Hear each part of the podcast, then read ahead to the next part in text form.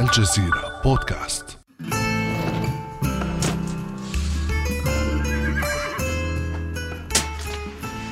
تستعد الجدة نانسي وعائلتها للعودة إلى الديار. عائلة من سكان أمريكا الأصليين أنهت للتو حصاد البطاطا في مزارع نيبراسكا وسط الولايات المتحدة.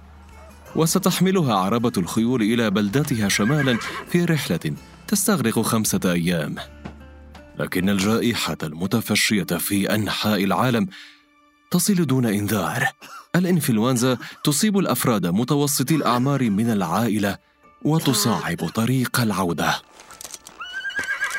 تجد الجدة نانسي نفسها مضطرة لقيادة عربة الخيول بينما يستلقي أحفادها وأبناؤها المرضى في الخلف. يشتد المطر وتسوء حالة المصابين فتقرر الجدة المسنة توقف في إحدى المزارع على الطريق ورغم الموقف الصعب تبادر لعلاجهم بنفسها. تحجر عليهم في خيم منفصلة وتفرق بين أكوابهم وأوانيهم ومقتنياتهم كي لا تنقل العدوى للبقية.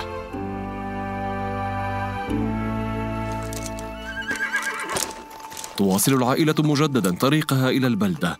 وقد اسعفها حرص الجدة نانسي وحكمتها.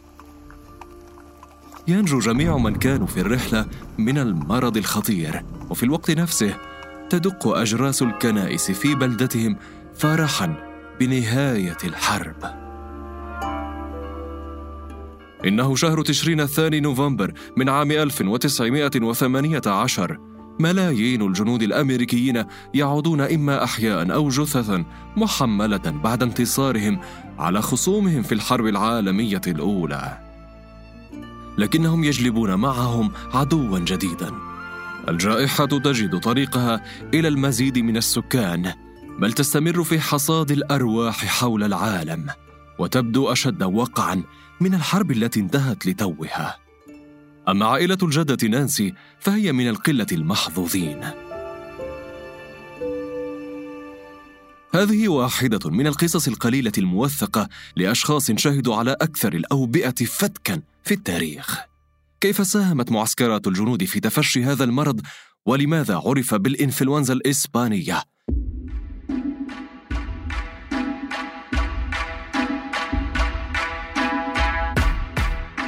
أهلا بكم في هذه الحلقة من بودكاست لحظة من الجزيرة. أنا فريد هذه الحلقة بعنوان الإنفلونزا الإسبانية.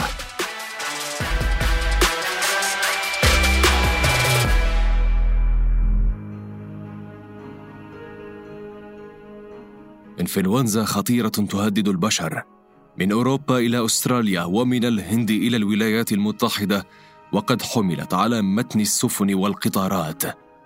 لم تكن بؤرة التفشي الأولى واضحة عندما عمت الجائحة. قيل إن إقليم شانشي شمالي الصين كان موطنها الأصلي وقيل إنها تطورت عن التهاب آخر تفشى في القواعد العسكرية شمالي فرنسا وإنجلترا. لكن هناك من اعتقد أنها نشأت في قلب الولايات المتحدة.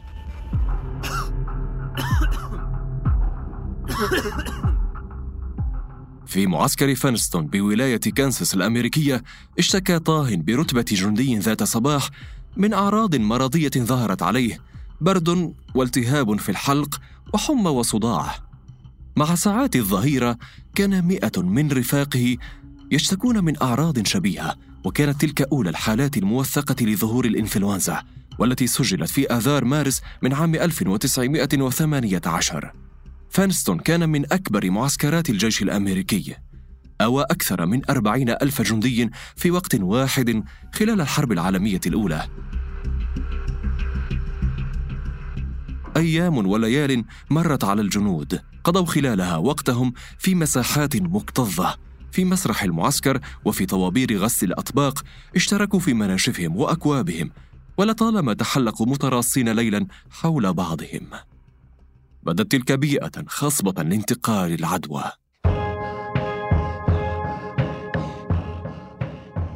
لم يقتصر انتشار العدوى على معسكر واحد بل وصل إلى معسكرات أخرى في عدة ولايات.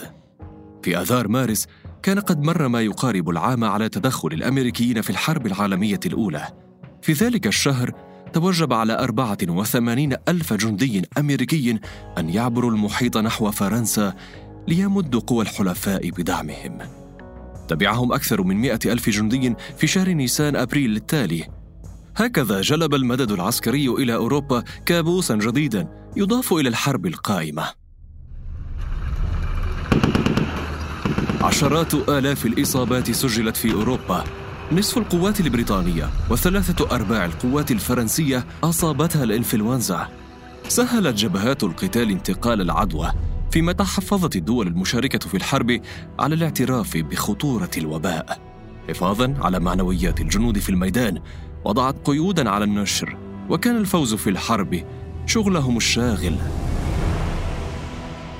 في غضون ذلك كانت إسبانيا تقف على الحياد وفيها بدأت مطابع الصحف تدور دون توقف وتنقل في عناوينها وتقاريرها. أن وباء غزا البلاد قادما من فرنسا الجارة الشمالية.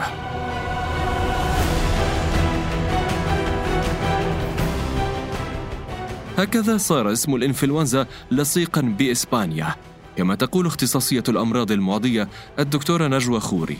الإنفلونزا الإسبانية هي اسمها حرام يعني الإسبانيول اتهموا فيها أظن جزافا لأنه الوحيدين اللي كانوا يقدروا يشيروا لها كتبوا عنها هن إسبانيا. كانت إسبانيا في ذلك الحين مش جزء من الحرب العالمية فكان في عندهم نوع من الحرية بالصحافة فهن أول ناس كتبوا عنها. ظلت قوى الحرب تحاول التقليل من هول الجائحة بينما كانت الإنفلونزا تتحول إلى وباء عالمي. لم يكن ما انتشر في ربيع ذلك العام سوى الموجة الأولى من المرض. اشتد الوباء واتسعت رقعته. وصلت موجة ثانية أكثر قسوة من سابقتها. إضافة إلى أعراض الإنفلونزا الموسمية عانى المصابون من صعوبة في التنفس. كانت بشرتهم تميل للون الأزرق ورئاتهم تمتلئ بسائل يؤدي للاختناق. معظم المرضى استسلموا للعدوى مبكرا. وماتوا بسببها. المشكلة بالإنفلونزا إنه أيضا تسمح لإنه يصير مش بس المرض بالرئة من جراء الفيروس برضه من جراء البكتيريا المساندة.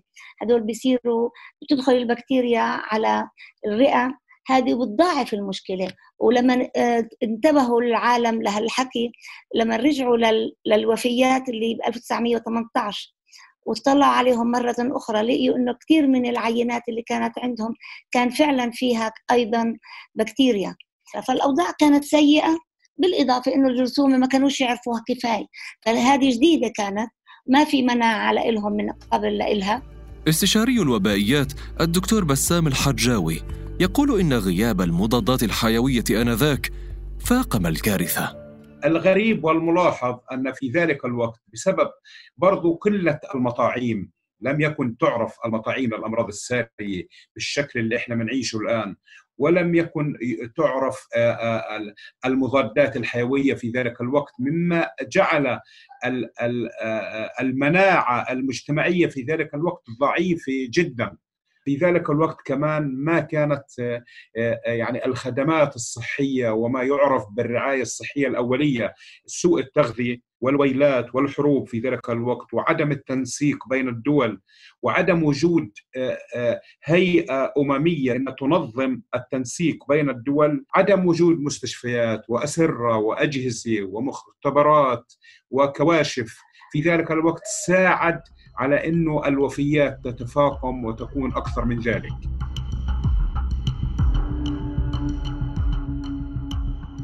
الحرب استنزفت الجميع في الولايات المتحدة وحدها.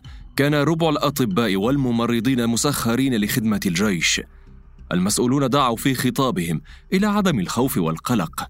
زيفوا الحقائق ونقلوها منقوصة بينما روجوا لصورة مطمئنة للأحداث المتسارعة كانت الجثث تتراكم.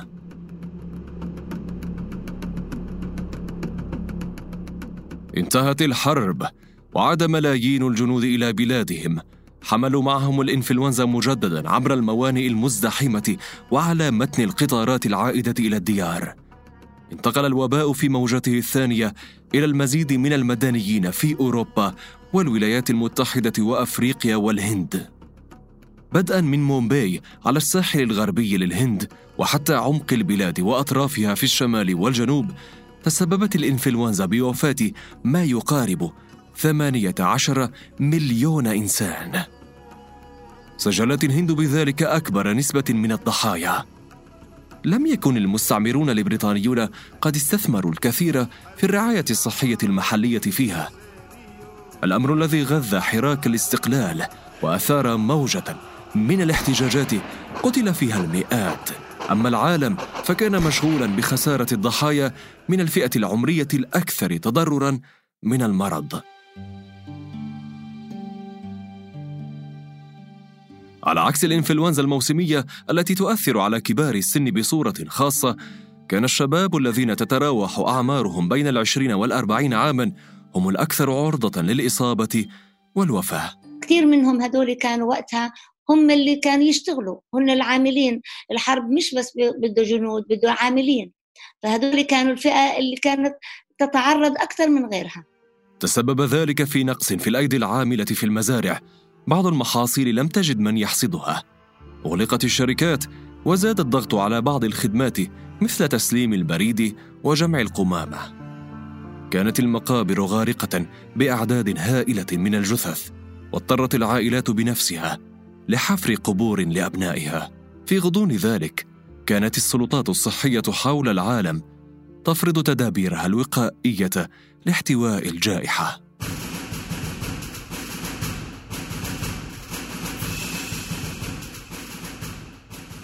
مع موجتي الإنفلونزا الثانية والثالثة كانت الحرب العالمية الأولى قد انتهت. أعارت الدول اهتماما أكبر لإجراءات الوقاية. في تلك الفترة أضحى من الطبيعي ارتداء كمامات الشاش الأبيض في الأماكن العامة في أمريكا وأستراليا واليابان وأوروبا.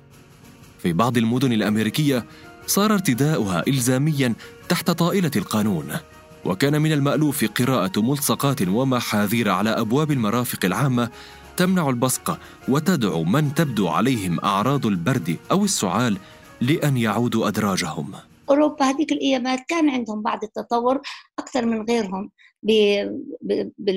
بالقرن العشرين من من أحسن الناس كانوا. فمن هالناحية قدروا إنهم يوصلوا إلى بعض من الأشياء اللي بتدلك على النظافة العامة أسس النظافة العامة. كانوا عرفوا عرفوا إنه مثلا إذا الإنسان المريض يكون محظور على جنب ينحجر كمان بيساعد كثير من المخالطين نحطهم على جنب. المريض نفسه تحجروا يحجروا عليه كانوا كلياتها بيعملوها ولكن آه، خسارة إنه ما طلع بإيدهم كثير توجب الحجر الصحي على المرضى وشهدت المدن التي سارعت لفرض إجراءاتها انتشارا أكثر اعتدالا للإنفلونزا. حظرت التجمعات أغلقت المدارس والكنائس ونصح الناس بتجنب المصافحة والبقاء في منازلهم. اضطرت السلطات إلى فتح مستشفيات مؤقتة لرعاية المرضى في مرافق عامة أخرى. بحسب التقديرات خسر العالم حوالي 50 مليون إنسان. من أصل 500 مليون أصابتهم الإنفلونزا الإسبانية خلال سنوات انتشارها الثلاث. فاق ذلك عدد الضحايا والقتلى في الحرب. مقارنة بالفترة الزمنية المحدودة لانتشارها كانت أكثر الأوبئة فتكا في التاريخ. لكن الفيروس المسبب لها أسس لسلالات من الفيروسات تطورت عنه وعادت خلال العقود التالية على شكل أوبئة أقل حدة. خلينا نقول الإنفلونزا الموسمية هي تطور نفسها يعني الاتش 1 ان 1 اللي كانت في 1918 الإنفلونزا الموسمية يعني مر عليها 100 سنة تحور الفيروس بطرق مختلفة. وهناك أنواع آه، معروفة لفيروسات الإنفلونزا هي ثلاثة أنواع. فيروس الإنفلونزا A اللي هو عادة بصيب الطيور والحيوانات والخنازير والإنسان معها. وهناك فيروس B وسي يصيبان الإنسان فقط. وعادة فيروس A هو المسبب عنده قدرة على تغيير جيناته باستمرار وهو اللي عادة بيشكل خطورة على المستوى العالمي أنه بيحدث أوبئة وقد تتطور هذه الأوبئة وتحدث جوائح يعني وباء على مستوى العالم. رغم قسوتها غيرت الإنفلونزا الإسبانية من الطريقة التي يدير فيها العالم أزماته الصحية فأنشأ أنظمة الرعاية الصحية الأولية وتعمق في رصد الأوبئة والتنبؤ بها. أما الخطر الكامن في قدرة الفيروسات على تطوير نفسها فما يزال قائماً.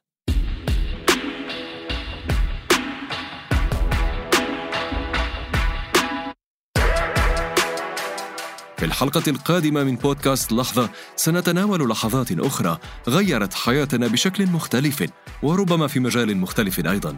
انتظرونا لتتعرفوا على اللحظة القادمة ولا تنسوا زيارة موقعنا على الإنترنت podcast.aljazeera.net ومشاركة هذه الحلقة مع أصدقائكم. كان معكم في هذه الحلقة فريد. إلى اللقاء.